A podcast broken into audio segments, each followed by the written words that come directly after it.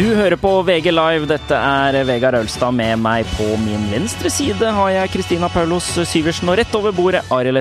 Berg Old Sada, som snart skal tilbake til England og Manchester og Premier League-dekning. For nå er landslagspausen mer eller mindre over. Hyggelig at du kan være her, da, men eh, jeg tror du skal kvesse kniven og tilbake til Manchester United-dekning så fort som mulig, for det kommer en viktig kamp på lørdag. Ja, kanskje ikke kniven, men i hvert fall pennen eller et eller annet. Men, eh, men eh, ja, det blir fint. det. Nå har jeg vært på helgetur i Praha, og nå føler jeg meg klar for, for å sette i gang med arbeidet. Det er jo alltid litt surt med disse landslagspausene, særlig når det for det alltid går på samme måte for Norge. Du, du, det har gått lang nok tid fra forrige gang til denne gangen til at du har klart å bygge opp forventningene og håpet igjen, og så ender det liksom stort sett med at du blir litt skuffa, selv om det er mye sånn positive tendenser. Så, så er det sånn ah, Lufta går litt ut av ballongen når du bare får 1-1 mot Sverige der. Så det, det, blir fint å komme i gang med, med en intens måned med klubbfotball nå, med doble kamper og sånn. Det starter jo alltid rolig i sesongen, men nå er det jo et bankende kjør frem til oktober, når landslagene tar over igjen. Man merker det spesielt godt i helgen, at det bare blir noen timer der hvor du egentlig ikke Du har ikke noe å gjøre. Nei, jeg tok meg sjøl i det her om dagen, at skulle hjem på kvelden, og så det, det, er ingenting på TV. Jeg må aktivt gå inn på Netflix eller et eller annet sånt og, sø og søke etter noe å se på, fordi at det var ingen fotballkamp. Det var ingenting å se på. Hva gjør man da?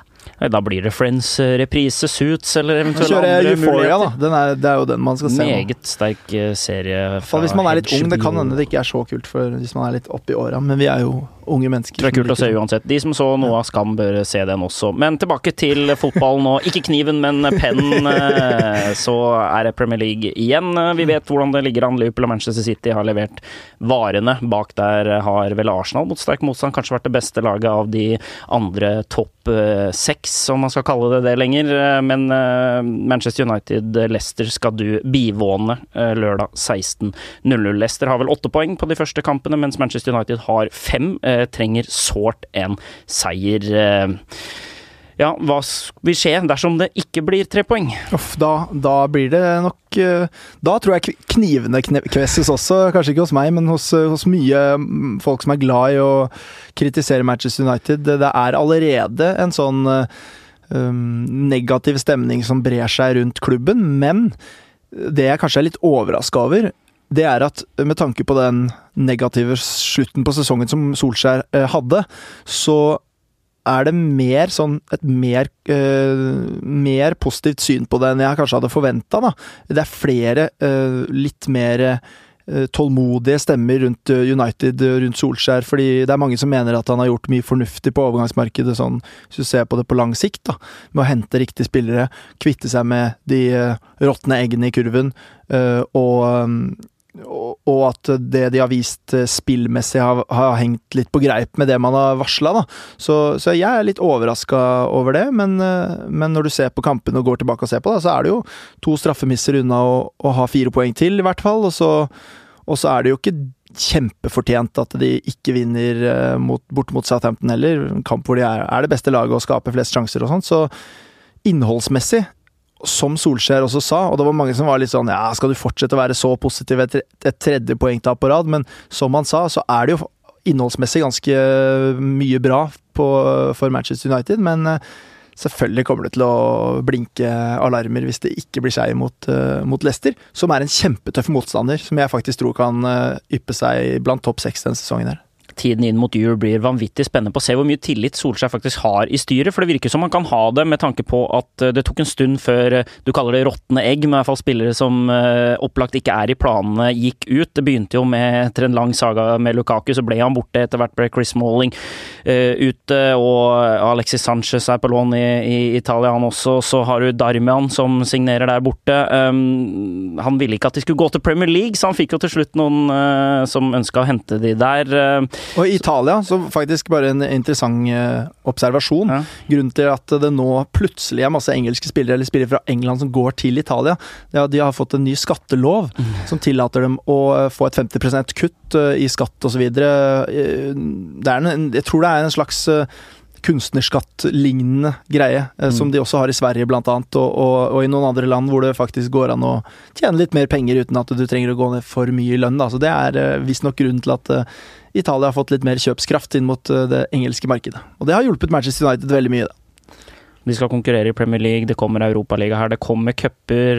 En allerede tynn stall vil få prøve seg.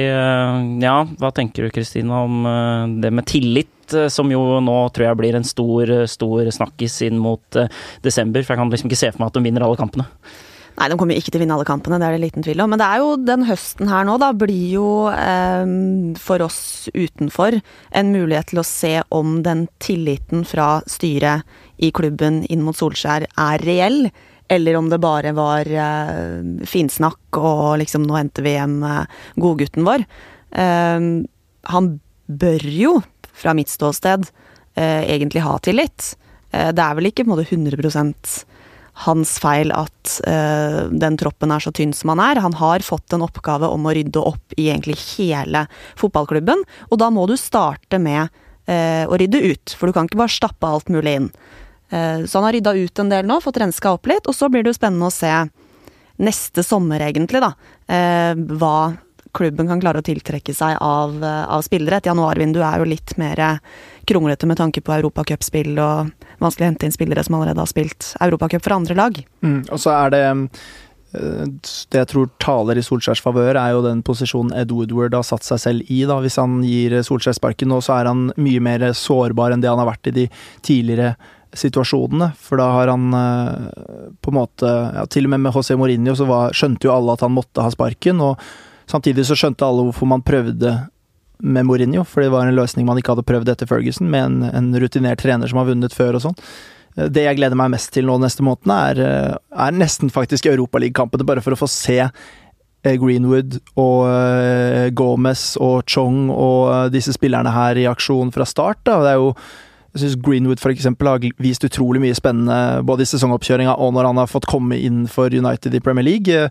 Han, han tror jeg er en voldsomt spennende spiller, og det kan bidra til at han kanskje kan spille seg inn i laget i Premier League også. Han, han Jeg har sett noen klipp av han på fra reservelaget hvor han driver og scorer frispark med både høyre og venstre fra langt hold og sånt, så han er voldsomt imponerende. Så der tror jeg Solskjær kommer til å gi sjansen til dem. De skal jo møte Astana, Partisan Beograd og Aset Alkmaar, vel, så det er jo overkommelig motstand. Lange reiser, selvfølgelig, som jo også sannsynligvis fører til at han kommer til å kjøre ganske B-prega og ungt, da, og det, det tror jeg blir spennende å se.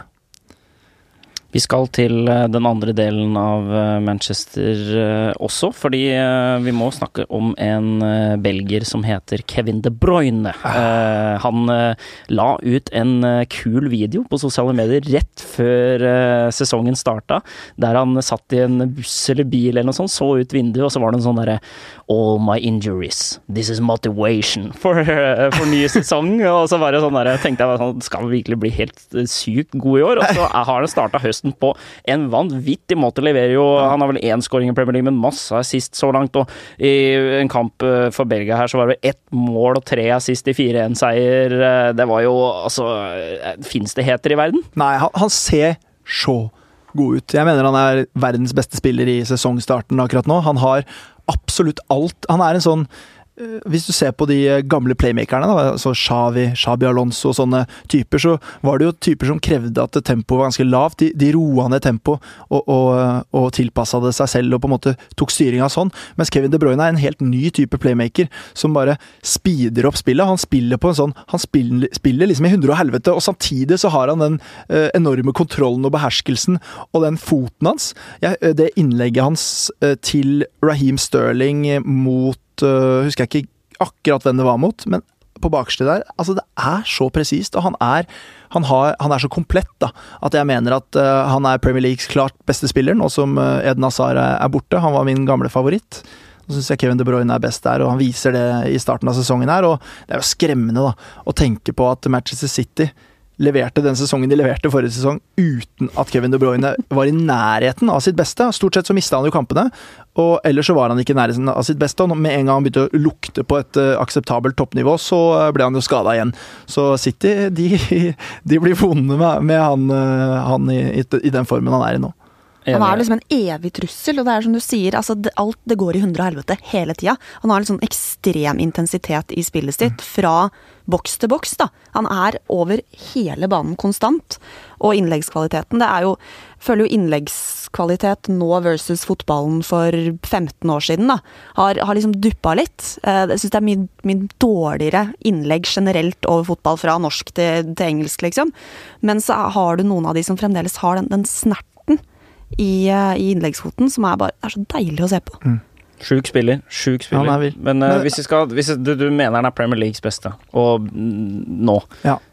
Jeg syns jo Aguero bjeffer jo litt. Han er jo alltid Ja, så bra. Sånn som han har starta nå, da. Så eh, altså Aguero som kanskje man tenkte at uh, det er usikkert, uh, med tanke på at uh, Gabriel Jesus skal ha sine minutter og sånne ting, så blir jo han skada nå. Mm. Og så bare følger Aguero opp med den på en måte den eh, statistikken han har med mål, da, og selv om han altså, spiller 60 minutter når Jesus er tilgjengelig, og så leverer han på den måten. Ja. Så sånn som altså, den derre spissgreiene, eh, og, og liksom levere så Så uh, eh, jevnt og trutt som det Aguero gjør, det er så enormt uh, vi- viktig, altså. For det kommer jo liksom mer på ballen som de der offensive midtbanespillerne sånne ting som liksom De Bruyne. Ja.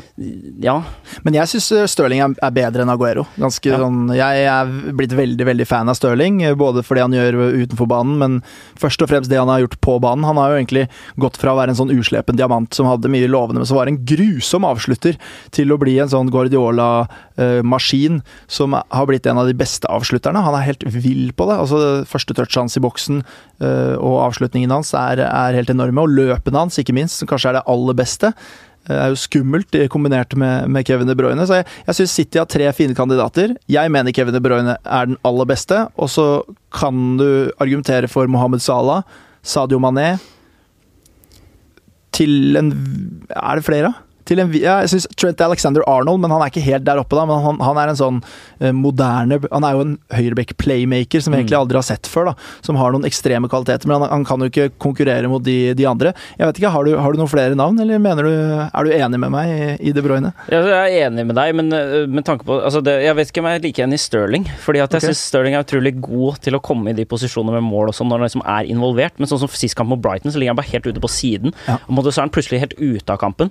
Så jeg synes, eh, selv om det, altså, Nå taler jeg litt imot målstatistikker og sånne ting, at han på en måte alltid er der. Men jeg, jeg syns enda, også, også litt sånn i Champions League, at Stirling kan bli litt mer borte.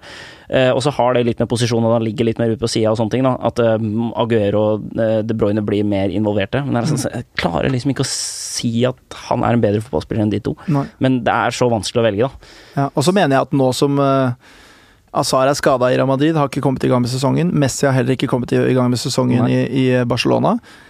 eh, så mener jeg at Kevin De Bruyne er liksom, han er, har vært verdens beste spiller de siste, siste to månedene. Formmessig og sånn, så har du det på din side. Og så er det jo ingenting som taler for at det skal være det sånn som det har vært de siste sesongene, med tanke på skadene og alt sånt her. Men Ja, jeg er jo veldig Kevin De Bruyne-fan, da. Ja. Så øh, jeg merker at jeg bare må på en måte øh, komme opp med noen navn her nå, siden du er så klar i din mening. Eh, Men det er vanskelig å argumentere mot. Vi kan jo ikke sitte her og si sånn her Ja, Kevin De Bruyne er verdens beste spiller, Ja. så liksom Det, det blir litt rart. Nei. Så mm, Men, men er, som du er godt inne på, det, liksom, det blir veldig spennende å se nå, hvis han fortsetter i det sporet her, så, og Manchester City plutselig skulle fått levert i Champions League, så er jo dette en soleklar kandidat til å vinne gullballen neste år. Ja, det, er det. Det er, jo, det er jo sånne sesonger du trenger fra sånne spillere hvis du skal eh, være oppe i toppen på en sånn kåring. Ja, vi må nevne van Dijk også, selvfølgelig. Ja da. Fordi han må, han må med i diskusjonen om hvem som er Premier Leagues beste spiller. Men etter min mening, Kevin De Bruyne, uh, Premier Leagues beste spiller. Så enormt register å spille på. Og liksom utseendet hans ser ut som en helt vanlig belgier. Eh, fremstår som en ganske ydmyk og, og jordnær og, og morsom fyr i intervjuer jeg har sett og sånn. Og så vet jeg ikke om dere har sett dette, men dette er en, en perle fra sosiale medier. Det er da Kevin De Bruyne for en god del år siden på en nattklubb i, i Belgia og lagt ut på sin egen Facebook-profil og skriver bros before, nei, unnskyld, host before bros, og poserer med Jeg tror det er et ja, rundt tolv eh, jenter på et, utested. Den, Ja. den er fin, altså. Den er fin. Det blir noen damer når uh, Making millions Ja, er i sterk, eh, altså. fotballen. Ja, den, er- den anbefales å, Ja. sjekke ut det, det bildet der. Det Det er liksom ikke, Du ser ikke for deg liksom Kevin De Bruyne som den alle går til av uh, damene når du skal velge mellom et lag, men uh, Nei, det er klart, altså Det kan hende at det noe med den der ydmyk Det viser jo at du, du går, går ved å være good guy. Og så hjelper det jo litt å tjene et par, par slanter. Jeg har sett det- for vesentlig mindre pene idrettsutøvere, Ja. at eh, det er, eh, det er muligheter. Jeg tror det bildet her er fra sånn Chelsea-tida, så han var jo ikke noen superkomet. da, Så, så kan hende at han har noen personlighetsmessige egenskaper som, som eh, gir, han, eh, gir han litt uh, drag i. da. Konkluderer med Personlighetsmessige egenskaper du mener kommer godt fram eh, rundt bordet på et utested? Ja, jeg, jeg kjører Host Before Bros der, ser jo åpenbart populær ut. og Ser ut som en samlende type som eh, Konkluderer med at det er en toppfyr, rett og slett. Ja, Kevin De Bruyne, terningkast seks. Ok. På, både på og utenfor banen. Jeg lover at vi skal ta opp en diskusjon eh, etter hvert om hvem som er verdens beste og Premier Leagues beste, for så vidt. Ja, nå kommer eh, Messi, nå. Vi må ta, vi må ta det litt inn mot eh, desember igjen, kanskje. Men eh, det passer bra, i og med at dere nevner Lionel Messi, at vi eh, trekker turen eh, over til Spania, fordi at eh, Barcelona ser jo helt dritræva ut uten han. Ja, de gjør det. De gjør jo det. Ja, de, har, de hadde den ene kampen vel hvor de valsa over en Jeg husker ikke hvilken motstander det var, men Antoine Griezmann begynte å bjeffe litt og, og så litt fin ut, men Ja, Betis. Ja, mot, mot Real Betis. Men altså, Barcelona ser eh, bekymringsfullt ut. Både fordi Messi har vært ute, men de ser prega ut av den eh, Neymar-sagaen, som endelig er over for dem, som jeg tror er veldig sunt for dem, men som jeg mener at de har uh, håndtert på en ganske pinlig måte. Fordi det som har skjedd nå, og, og dette er, er troverdige rapporter, da, er at Osman Dembélé, eksempel, en, en spiller som eh, har veldig lyst til å lykkes i Barcelona, som de hentet for masse penger og sånn, skal jo da ha blitt tilbudt i retur som, som eh, veksel, mer eller mindre, eller som en eh, eh, i, en byttehandel for å prøve å, skaffe seg Neymar. Det samme gjelder Ivan Rakitic, en spiller som har løfta masse trofeer for eh, Barcelona, og som også hadde lyst til å bli værende i, Barcelona. Og det er også eh, spillere som Nelson Semedo og flere andre. Og, det er jo ikke rart at det går utover en, en garderobe og en, tro, en tropp, når du eh, foreslår eh, og helt åpenlyst og prøver å overtale dine egne spillere. Og dette er ikke bare eh, dette er ikke unggutter eh, som ikke har bevist noe, eller noe sånt. Dette er dyre, godt betalte spillere med, med mye stolthet og med, med store ambisjoner, og som ikke hadde lyst til å dra. Og da skaper det ganske mye turbulens i en tropp når du, når du begynner å liksom foreslå dem. Så jeg, jeg syns de har håndtert det på, på helt feil måte, og jeg syns de burde lagt fra seg dette Neymar-tullet mye tidligere og bare innsett at uh, her uh, har vi en tropp som, hvor det ikke er plass til Neymar. Vi trenger ikke gjøre det her. Det skaper mer trøbbel enn det, enn det skaper eh, Eller enn, enn det styrker oss. Og, og jeg tror at de kommer til å slite litt med det, og at de, har slitt, at de har hatt mye å si for de prestasjonene som de har hatt til nå. Vi kan jo, hvis du skal trekke de store linjene, da, så er jo på en måte Det ser jo mer ryddig ut i eh, Manchester City og Liverpool, som har hatt en helt, helt clean sommer. De har Mm. inn, altså City har henta inn de spillerne de ville ha, og på en måte ikke hatt noe trøbbel. Det var bare Sané ut eller ikke, men han på en måte Hvis han kommer tilbake og skade, så er det liksom, da er det bare en ekstra asset til Ja, ja, laget ja. som er veldig bra. Og Liverpool gjorde ingenting, så ikke noen grunn til det. og Det har liksom funka. Får de Alison tilbake, så er de der de var i fjor, Mm. og du ser jo hvordan de sprudler offensivt. Så har du Real Madrid og Barcelona, som trøbler litt, og Mm. Paris Saint-Germain, som er en del av Neymar-sagaen, som også har tatt en kamp. Juventus har vel vunnet begge sine, da, hvis man skal ta alle topplagene. og Bayern har vel ett poengtap, ellers har de gjort det bra. Men det, er, det, er liksom, det ser roligst ut i Premier League, da, hvis du skal ta med Real Madrid også. Ja, det gjør det, og, og den eh, Før hver sesong så har jo stort sett det vært Real Madrid og Barcelona som er favoritter og vinner Champions League, og så har, du, har Bayern stort sett vært en, en treer. Nå er det bildet totalt endret. Nå er det jo City og Liverpool som er de største favorittene i, mine øyne, og Juventus. Det er de tre som har uh, hatt et godt vindu, med tanke på at det har vært stabilt. Liverpool har jo gjort noe, men de, de virker jo å ha veldig bra kontroll. Men, eh, men for å bare gå litt tilbake til Barcelona, så så det jo også ut som at de skulle ha et bra vindu.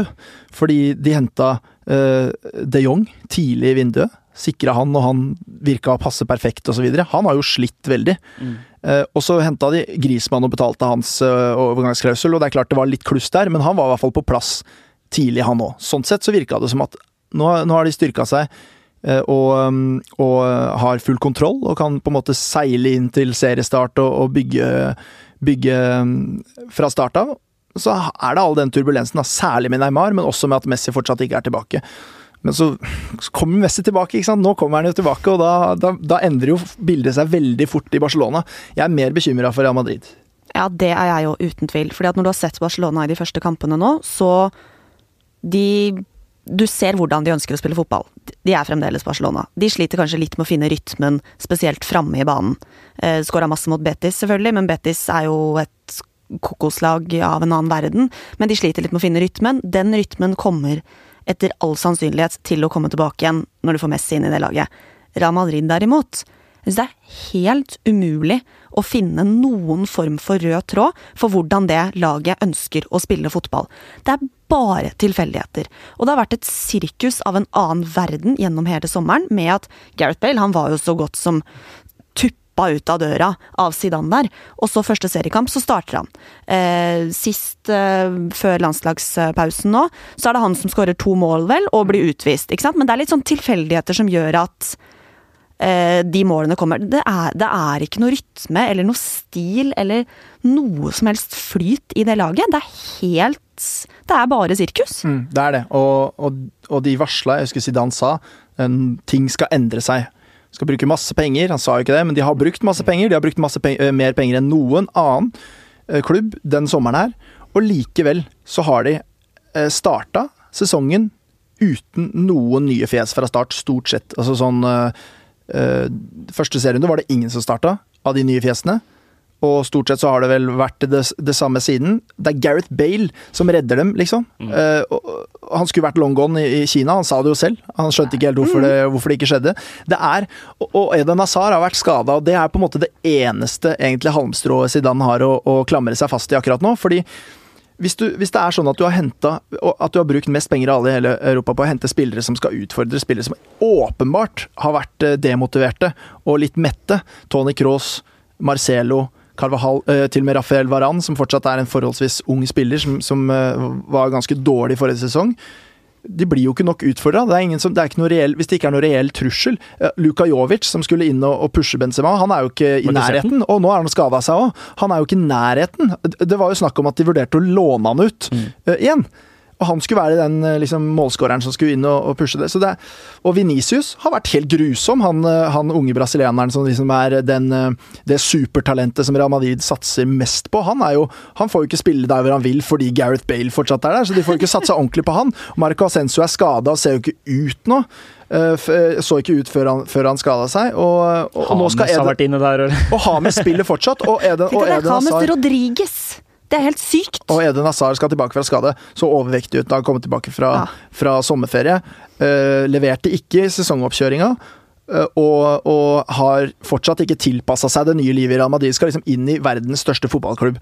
Uh, litt uti sesongen. Heller, og han er ikke, og han er ikke Cristiano Ronaldo heller, men, men du kan ikke sitte og forvente at han skal Du kan forvente det av Messi, men du kan ikke forvente at Eden Hazar skal komme og løse de problemene der. Så jeg er dypt bekymra for det som foregår i Real Madrid nå. og Eh, og jeg tror at eh, man kan ende opp med at eh, plutselig så må José Mourinho inn og, og ta et andre skift og, og, rydde opp, og det, det, det vil være katastrofalt. Det, det, blir ikke lett, da. Det var jo som du er inne på, den, altså, sesongen i fjor var total katastrofe. Mm. Og skulle gå tittelløs i år igjen, så er det jo liksom krise i Real Madrid. Ja, og, da vet du at liksom presidenter og det ene og andre begynner å blande seg inn her, og da blir det kaos. Altså. Og Problemet er at du kjenner igjen de samme problemene som man så på høsten. Zidane tok over, og uh, man fikk ikke den umiddelbare effekten, og så tenkte man ja, men den, de har ikke noe å spille for, osv. Dette er bare Men han har jo egentlig hatt veldig god tid på seg til å gjøre klar den sesongen her. Han hadde måte, han tok over før sesongoppkjøringen. den, Fikk liksom avslutningen på sesongen. Kunne på en måte fått jobba inn en stil og sånn, men man ser ikke noe stil. Eh, signeringene har ikke slått til i det hele tatt, og det er fortsatt de, de gamle gutta som leverer litt sånn uh, sketchy prestasjoner med, med, et sårbart forsvar og, og mange spørsmålstegn. Så uh, selv om Barcelona for øyeblikket ligger bak Real Madrid på tabellen, så er jeg mye mer bekymra for Real Madrid sin sesong enn Barcelona. Foreløpig er det Atletico Madrid som er eh, det, det glimrer av i hovedstaden mm. Eh, for øyeblikket. Og eh, der får vi en skikkelig, skikkelig godbit til helga. Fordi i San Sebastian, hos Real Sociedad, så har de pusset opp arenaen sin, Anoeta, denne sommeren. Eh, den kommer i helt ny drakt, og det er derfor de har spilt tre bortekamper i starten, fordi at de venter på åpningen av stadion, og den kommer nå, med Atletico Madrid på besøk. Martin Ødegaard mot serielederen. Kult! Å, herregud, for en kul kamp det blir. Og det blir så kult å se selvfølgelig spesielt Martin Ødegaard, da, eh, på hjemmebane for første gang foran fans som helt åpenbart kommer til å ta han imot på en ganske eh, bra måte. For de har fått veldig gledelig, en veldig gledelig introduksjon, da, i hvert fall i, i, på hans karriere i, i Real Sociedad. Og så skal han møte et av de aller vasseste lagene i Europa akkurat nå. Det blir utrolig kult å se han teste seg der. Det blir veldig spennende å se. Han har jo vært glimrende siden sesongstarten med eh, si to og en halv kamp i, eh, i Real Sociedad. Det var litt svakt førsteomgangen mot eh, Atletic Bilbao eh, borte der, men andreomgangen var han god, selv om mm. de tapte. Han har vært strålende i begge landskampene for Norge. Han er ordentlig i Ikke bare liksom i flytsonen, men du ser at han spiller med en sånn selvtillit. At han, han søker ball, han får ball. Han, han er ordentlig framme i skoa nå, da. Eh, og da blir det litt spennende å se eh, han mot en såpass vass motstander. Mm. den første kampen hvor han kanskje eh, må oppleve at Real Sociedad ikke har ball spesielt mye, da. Eh, spesielt de to første kampene mot eh, Mallorca og Valencia. Mm. Så hadde jo Real Sociedad ekstremt mye ball. Fikk låne mye ball også på San Mames i Bilbao. Nå blir nok det langt, langt tøffere, så det blir spennende å se ja. hvordan han løser det. Vel, jeg tror faktisk Real Sociedad kommer til å ha mest ball mot Atletico når, når Atletico spiller borte, fordi det er fortsatt et uh, Diego Simione-lag her, og Real Sociedad er blant de best spillende lagene. Um, men uh, det er ganske sprøtt å tenke på som nordmann, fordi uh, i starten av sesongen her så har La Liga på, på Twitter og sånn promotert en sånn talentduell og spurt folk hvem er det største talentet av Joao Felix, som ble henta ja. til Atletico Madrid i sommer for en ellevill sum fra Benfica og Martin Ødegaard er den andre, og nå skal de møtes. Og jeg tror det kommer til å være uh, For oss i Norge så virker det litt fjernt at han skal være omtalt i en sånn sammenheng, men jeg tror at i Spania, i spanske medier, så kommer det til å være talentduellen man bygger opp til før den kampen. Mm. Og det er så, det, er, det, sier veldig mye om det inntrykket Martin Ødegaard har gjort uh, der borte nå. da. Fordi eh, det er mange som, som det er, Eller det er ikke mange, det er noen som ønsker å rive litt ned her i Norge og si at uh, det er ikke så stort som uh, Han gjør det ikke så bra som man tror, og det er, dette er bare litt sånn at vi overdriver borti potetlandet her. Men jeg mener jo nesten at når man følger med på reaksjoner på Twitter og, og omtaler, da, så er jo um, superlativene mange flere blant de spanske eller engelske som følger med på La Liga, og som har sett det Martin Ødegaard har gjort i starten av sesongen, enn det vi snakker om her i Norge. Ja, hypen er jo ikke like stor her lenger. Altså, det er nå for, for så vidt man hadde fortjent en sånn hype, og når man ser hva han kommer hjem og leverer for landslaget og sånne mm. ting, så er det sånn, er såpass nasjonalromantisk at du heier på den nå, som skal ut der. Du har duellen mot Joao Felix, du har en Diego Costa som mm. plutselig er inne og blander seg inn i dueller på midtbanen, men det er liksom når Saul Niges, Marcos Orente og Koke skal drive og ta ut Ødegaard, det er kult, altså. Det er skikkelig eh, rått. Nå kjente jeg faktisk jeg fikk litt frysninger. Nå gleder jeg meg skikkelig skikkelig til den kampen. Er det lørdag 18.30? Lørdag 18.30. Lørdag 18.30, ja. Altså nå, nå, har liksom Martin Ødegaard spilt sin største, største landskamp um, i karrieren. Borte mot Sverige foran så mange mennesker. Leverer uh, banens beste. Dette her blir jo Martin Ødegaards største kamp i karrieren. Han skal åpne uh, Real Sociedads nypussede stadion hjemme mot uh, Spanias akkurat nå heteste lag. Han skal få testa seg mot det kanskje beste defensive laget i verden dette er liksom Det har ikke vært større anledning å vise seg frem på for Martin Ødegaard noensinne enn okay. akkurat nå. Det er utrolig spennende dager i Det, er så kult at vi får det her, altså, for vi har venta på å få en spiller som er i, i den, den, posisjonen. Jeg vet om en annen som gleder seg. Det er Petter Wæland som kom hit til studio i VG Live uh, på TV, som uh, skal følge med den kampen med med oss. Og vi har jo klipprettigheter i vår samarbeidspartner Strive som sender kampen, da, så det blir nok muligheter for å få med seg høydepunktene underveis der, i tillegg til å følge Premier League-runden. Følg oss på VG Live TV på Snap Snap og Instagram. Vi vil eh, gjerne ha ris og ros. Lytterinnspillene lar vente på seg, så Vi må ha litt av de, altså. Det... Ja, vi, vil vi vil gjerne ha noen spørsmål, da. Så mm. har dere det. Uh, gjerne send det rett til Arild på Twitter, eller send det til mm. meg eller Kristina, eller på VG Live TV på Insta eller Snap, da, som jo er vår lettest mottagelige plattform for slike innspill. Ellers så setter vi pris på om du gir tilbakemelding i iTunes. Gi gjerne fem stjerner der, da, så kan du heller gi risen et annet sted. Ha uansett fin helg med klubbfotballen igjen. Det gleder vi oss til, alle sammen.